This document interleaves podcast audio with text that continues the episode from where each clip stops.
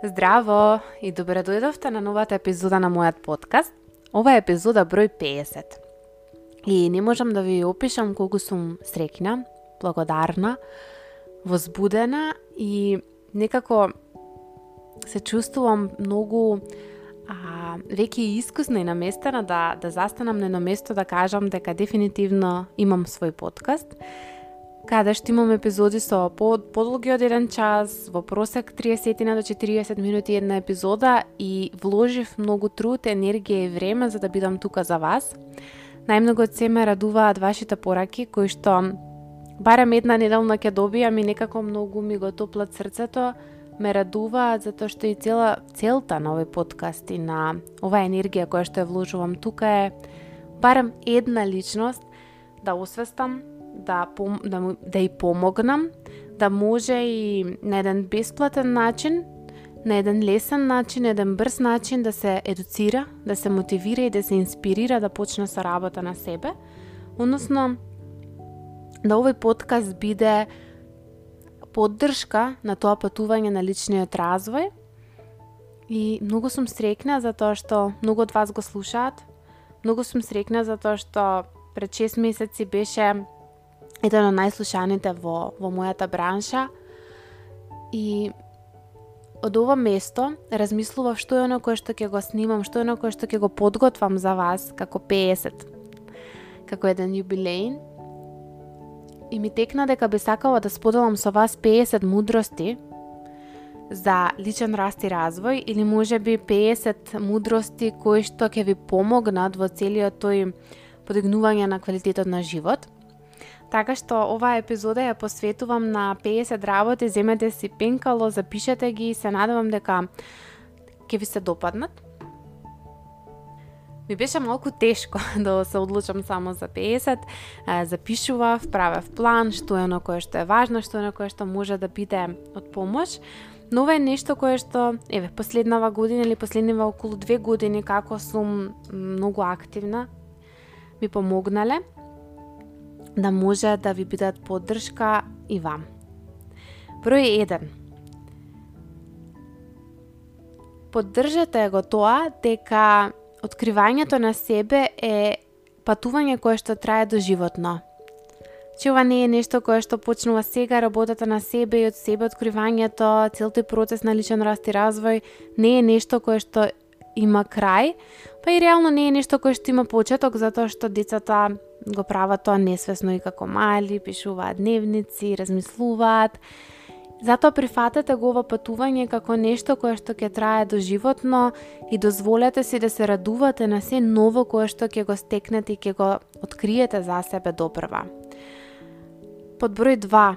Ова може би е нешто кое што ми е многу важно и значајно и затоа го кажувам а, веднаш, а тоа е дајте приоритет на грижата на себе без чувство на грижа, затоа што е најважна и мислам дека имаме една епизода и тоа е нешто кое што предлагам секој да го слушне, а тоа е грижата за себе не е себичност, односно кога е, кога не е себичност.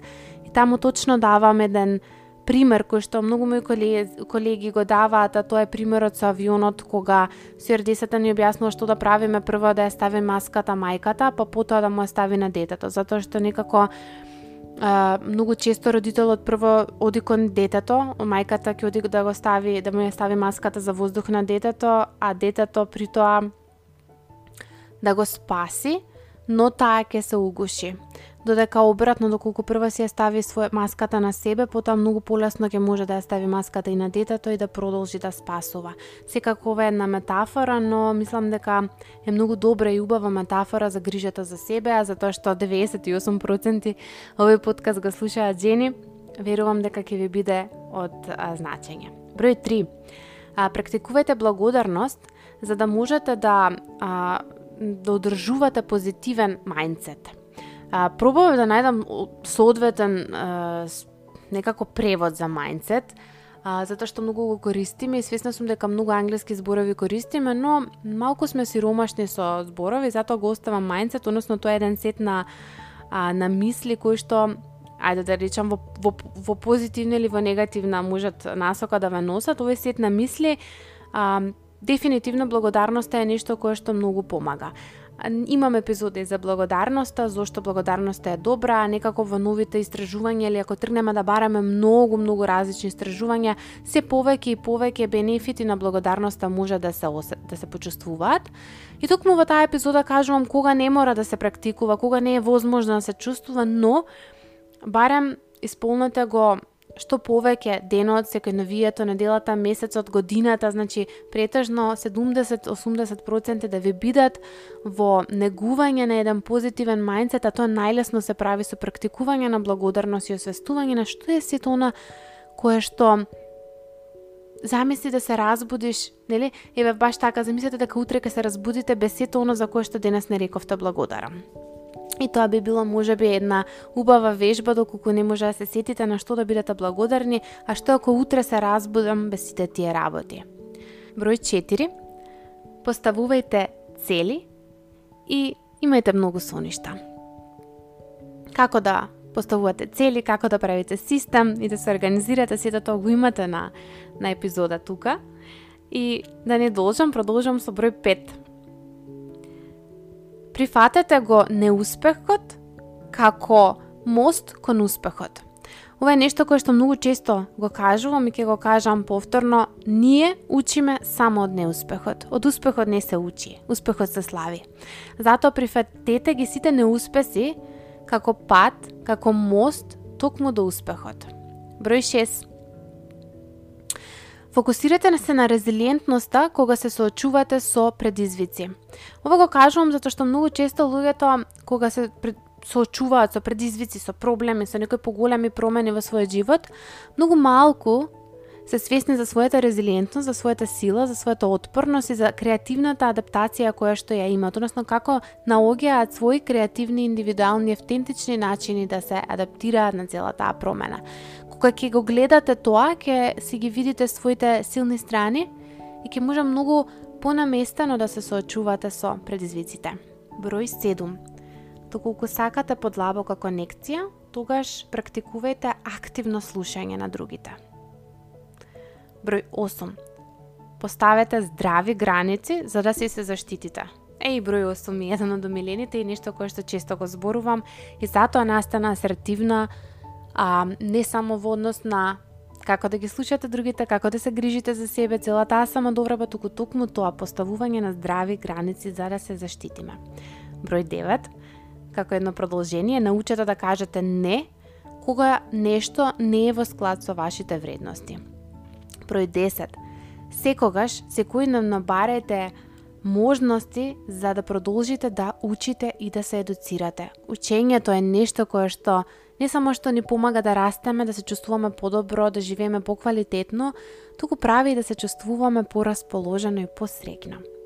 Број 11.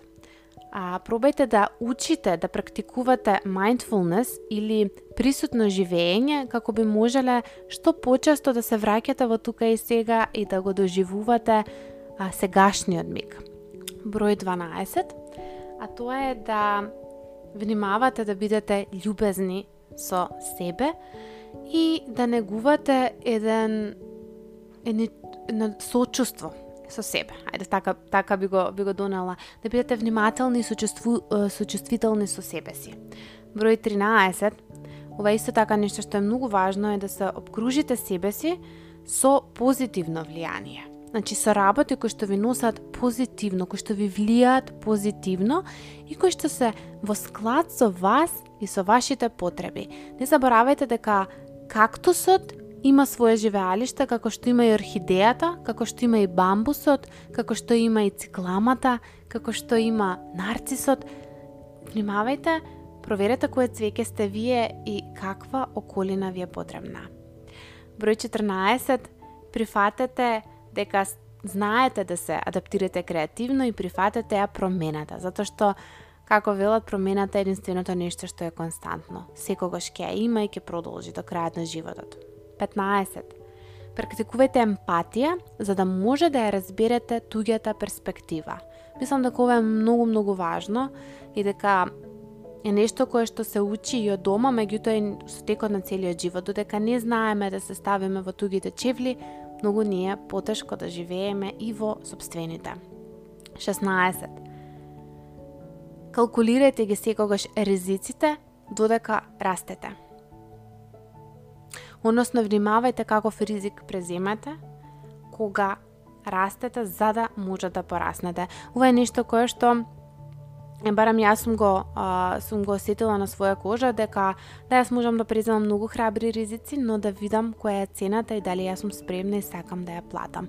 Понекогаш некои големи ризици знаат да направат да се оддалечиме од семејството, да се оддалечиме од пријателите, да се оддалечиме од грижата за себе и треба да се внимава дали јас сум подготвена и колку време сум подготвена да го направам тоа и дали истото вреди. 17. Прифатете ги своите уникатни сили и квалитети. И ќе повторам, прифатете ги своите уникатни сили, силни страни и квалитети. 18. Практикувајте прошка како би можеле да се ослободите од емоционалниот багаж. Простувајте затоа што омразата е отров за нас. Наменет за другите, меѓутоа како да го пиеме ние. 19. Негувајте мајндсет кој што е растечки, growth mindset, за да можете да ги прифатите сите предизвици кои што доаѓаат. Значи само растечки мајндсет е некој кој што може да не поттикне и да не поддржи. Број 20 практикувајте а, себе рефлексија. Идеално е да е дневна за личен развој. Затоа што само ни себе рефлексија ние може и да растеме, да видите до каде сте, што сте, како сте, што е на кое што се променило, што е на кое што сакате да го промените. 21. Поддржете се со поддржувачка средина окружување и средина која што ги има сите ресурси кои што вас ви се потребни. Меѓутоа, не само да се ставите во таа средина како што ви споделив предходно, туку и вие да придонесете во таа средина. Значи, како вие да сте одгледувачот на таа градина, што е на што од вас е потребно да го направите истото. Значи не ми треба мене Петко и Станко само да би бидат во обкружувањето, него што е на што е мое, на кое што јас морам да работам, како би можела мојата средина да биде поддржувачка. Например, за мене е многу важно да јас редовно се доедуцирам, редовно учам, редовно растам, затоа што мојата професија е да помагам на другите да растат, што значи ако сакам да имам средина која што за мене е негувачка и важна и битна, тогаш јас морам да растам секој ден и во мојата средина постојано пример да сум обколена со подкасти, со книги, со курсеви, со едукација, со институт, со супервизија, со да работам, нели, да одам јас на, на терапија, јас на коучинг и така натаму. 22 Никогаш не заборавајте на а, моките која што имаат позитивните мисли. А јас не сум а, некој кој што сака афирмации и тој што работел со мене секогаш знае дека се наоѓа лична, уникатна, различна афирмација која што дефинитивно ја чувствуваме. Не верувам во тоа дека ако застанам пред огледало и си кажувам ти си убава, ти си убава, ти си убава, ти си убава, а не преземам ништо околу тоа, дека мојата мисла ќе се промени. За, за мене, буквално афирмациите се понекогаш само како празни мисли, знаат да поддржат, знаат да помогнат, а не за секоја ситуација, има многу ситуации кај што а се многу поддржувачки, има ситуации каде што а, би ги, ајде да речам, се добри, ми се нашли и мене, ми, ми се нашли на многу клиенти позитивни. А, има, не, има многу луѓе на кои што им помагаат, затоа што ако ништо друго помагаат, оној а, разговор сами со себе што го имаме да биде попозитивен. Меѓутоа, тука би рекла да се расте и да се одгледува позитивната мисла, позитивните мисли општо, позитивниот внатрешен критичар. 23 а, работата на тоа да а, комуника... ком... работата на комуникацијските вештини, односно како полесно и подобро да комуницирате со другите. 24. А, пробајте да најдете радост дури во најмалите задоволства од животот, затоа што ги има, ги има многу и наместо да се фокусираме само на оние големи, само на тие некои големи, да кажам, цели кои што си ги имаме или работи, фокусирате се на малите задоволства во животот. 25, а редовно истражувајте нови страсти и нови хоби. Затоа што ќе се изненадите од некој ваш талент или ќе се изненадите како со текот на годините се минува она што за нас значи забава, опуштање и слобода. 26. Научете како да менеджирате со стресот преку техники за релаксација. Секој може да има различна техника која што го релаксира.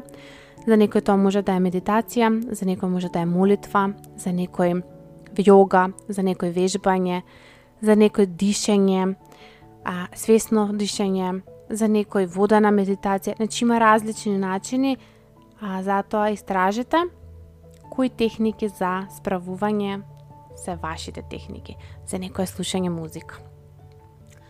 27. Фокусирајте се на оно кое што е во ваша контрола, а пуштете го останатото. И ова е многу лесно да се каже, но е нешто кое што се вежба.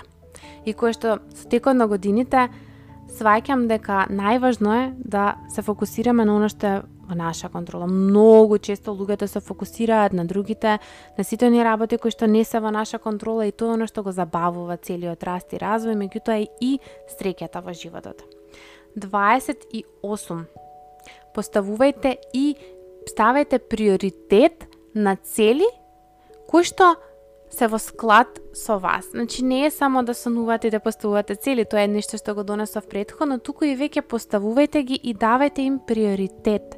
Ставајте си приоритети. И за ова имам епизода, препорачувам да ја слушнете, особено за тие кои што тешко им оди организација. 29. Практикувајте трпение со себе и со другите.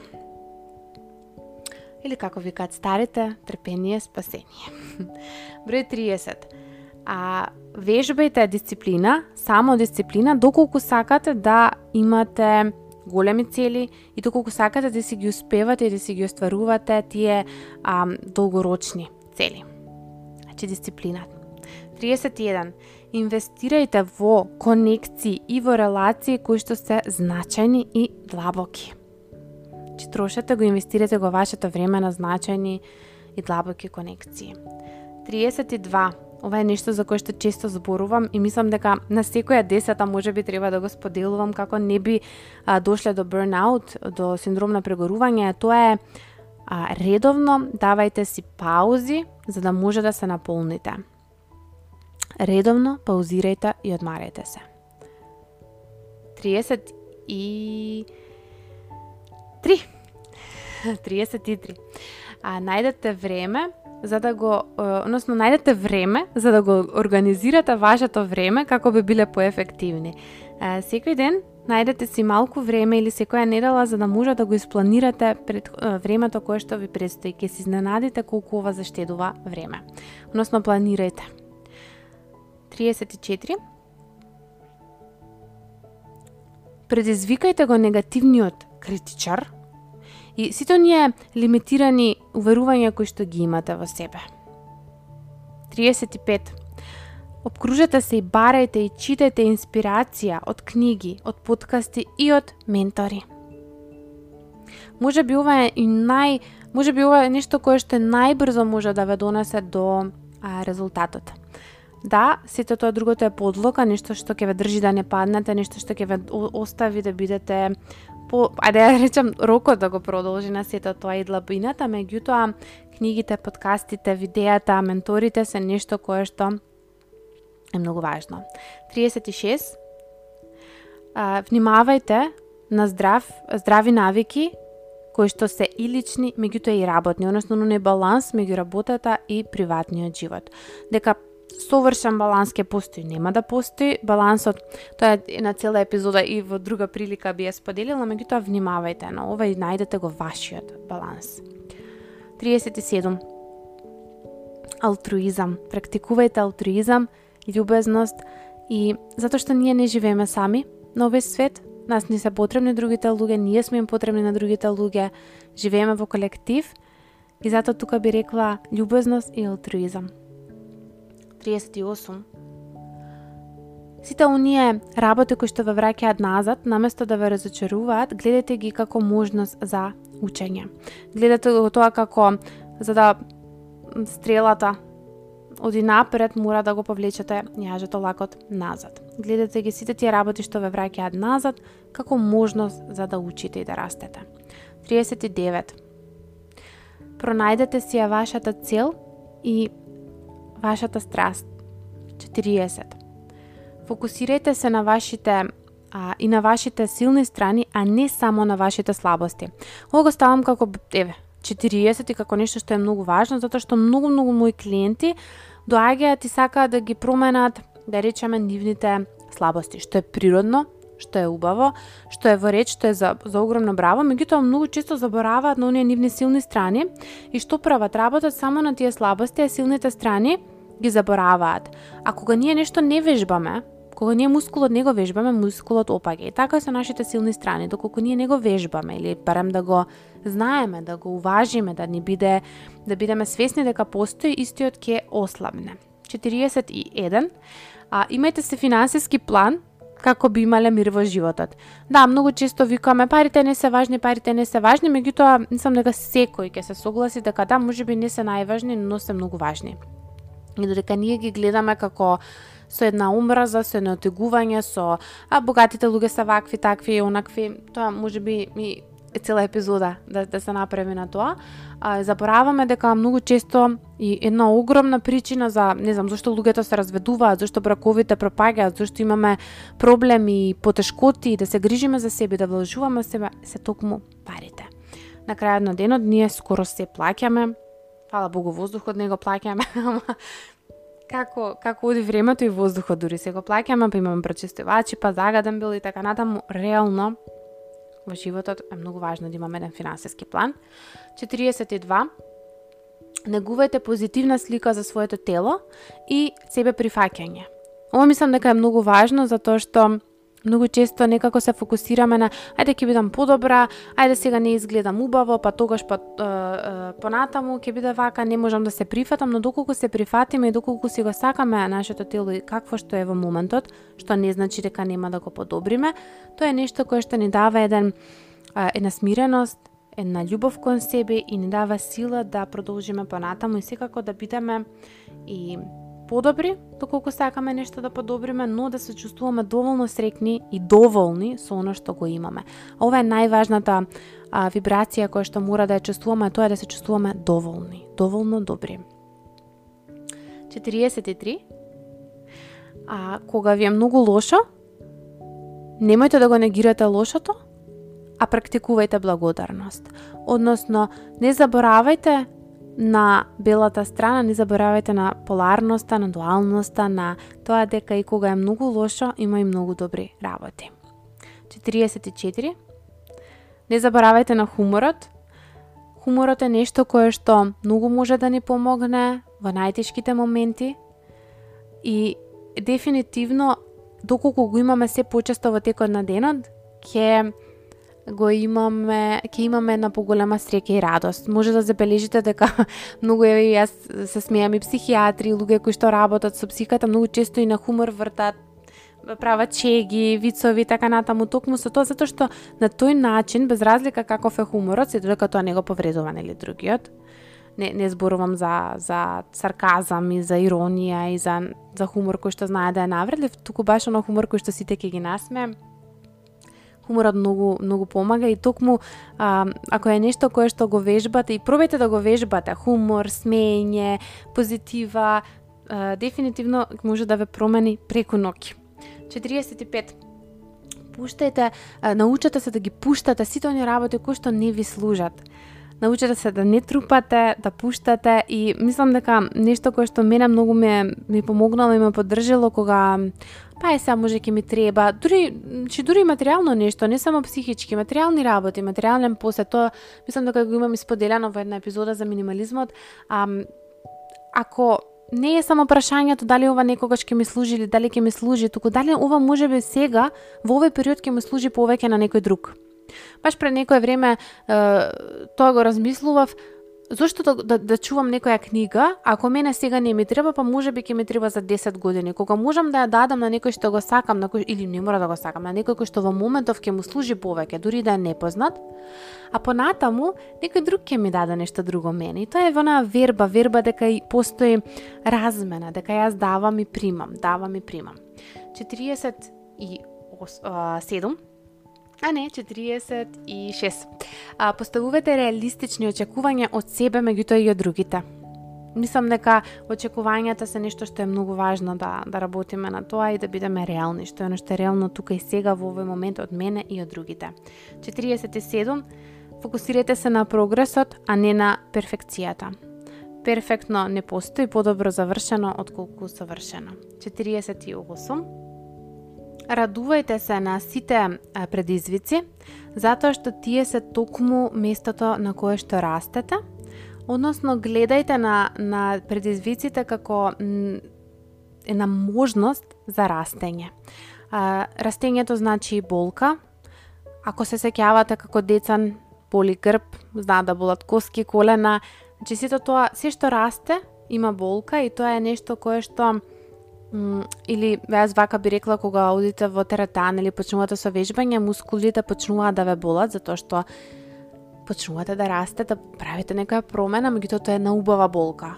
Или се, се додека вежбата оноку колку што мускулот може да издржи да не го скинете.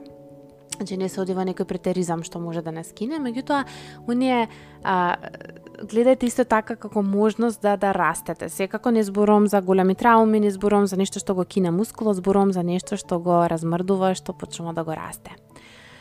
Значи, а 49 уважувајте ги вашите успеси, колку и да се мали и прославете ги. Славете ги. И број 50 бирете среќа како одлука која што ја носите секој ден, затоа што на крајот на денот ние ја бираме среќата секој ден, ние бираме да бидеме среќни. Секогаш можеме да имаме различен мајндсет, секогаш можеме да имаме нешто поинакво, но ние бираме. Нешто кое што со годините и со искуството го разбираме, тоа дека да, работиме на себе, да, постојат болести, ментални состојби, постои еден еден мајндсет, но на крајот на денот се е во нашите мисли. На крајот на денот кога ќе ја смениме околината, кога ќе ги промениме мислите, исчезнуваат дури и болестите. И може би некој нема да се согласи со мене, а, може би нечие искуство е поразлично, меѓутоа кога ние имаме љубов, кога ние имаме конекција и кога имаме себе поддршка, односно кога се обкружуваме, кога нашите мисли почнуваат да гледаат на кон сонцето, кога нашите мисли стануваат попозитивни, кога а, почнуваме да гледаме можност, кога не остануваме во таа празнина, кога не сме толку црни, тогаш магично се се менува, тогаш магично луѓето имаат насмевка, тогаш магично луѓето престануваат да имаат одредени а, болести и состојби. Па така, затоа ве поддржувам и ве потикнувам да работите токму на вашите мисли, за да може да превенирате се понатамо што се случува. Тоа не значи дека ќе го негирате негативното, тоа не значи дека нема да го гледате, напротив, тоа значи дека ќе го уважите, но наместо да бидете токсично позитивни, кое што е баш оно минимизирање и неуважување на сето оно што е, да пробате да го гледате, да го уважите сето оно што е црно, кафеаво, сиво, но да не заборавите, аха, окей, а како сето ова мене ме носи кон ова другото или како може ова да ми помогне да пораснам или како може ова, што ми кажува ова, што е оно што ми го кажува сето ова. Дозволете си да да прифатите, односно прифатете дека живееме во поларности во ден и ноќ, во топло и ладно, во оган и мраз. Прифатете ги тие поларности, кога ќе ги прифатите, сватете дека ние не живееме на ниту една поларност, туку из, сето она што е измеѓу. Животот е сето она што е измеѓу. Ви благодарам на секој еден од вас кој што го слушате мојот подкаст, кој што ме поддржувате, ми праќате коментари, кои што а, сте тука со мене заедно и на моето патување на личен раст и развој, за кој што сум свесна дека никогаш не завршува и свесна сум дека пред 50 епизоди сум имала и различен мајндсет и различни размислувања и дека за наредните 50 јас допрва ќе растам. Некои работи може би нема да ги променам, но многу работи се менуваат и одат напред. Ви благодарам уште еднаш и јас сум секогаш отворена и би сакала да ми пишете теми кои што вас ви се важни, теми за кои што сакат, сакате јас да зборувам, а м, има некои теми на кои што и јас не сум се може би подготвена или добро подкрепена да споделам, но а се трудам да бидам што е можно поголема поддршка за вас, како што сте вие моја поддршка. Ве поздравувам сите и се слушаме во наредната епизода. Поздравје за, за стотата епизода, веројатно ќе правам 100 сто вакви важни, една брза епизода со многу важни работи. Запишете си ги овие работи, може би веднаш тука и сега нема да ви бидат многу важни и значајни, но текот на времето верувам дека ќе ќе освестите или барем ќе видите што е на кое што е убаво да се поработи. Секако дека има уште многу други, но ова беа некако што јас ги издвоив како доста значајни и важни, барем биле за мене овој период, биле за моите клиенти, оно кое што во овој период сум обкружена. Поздрав! you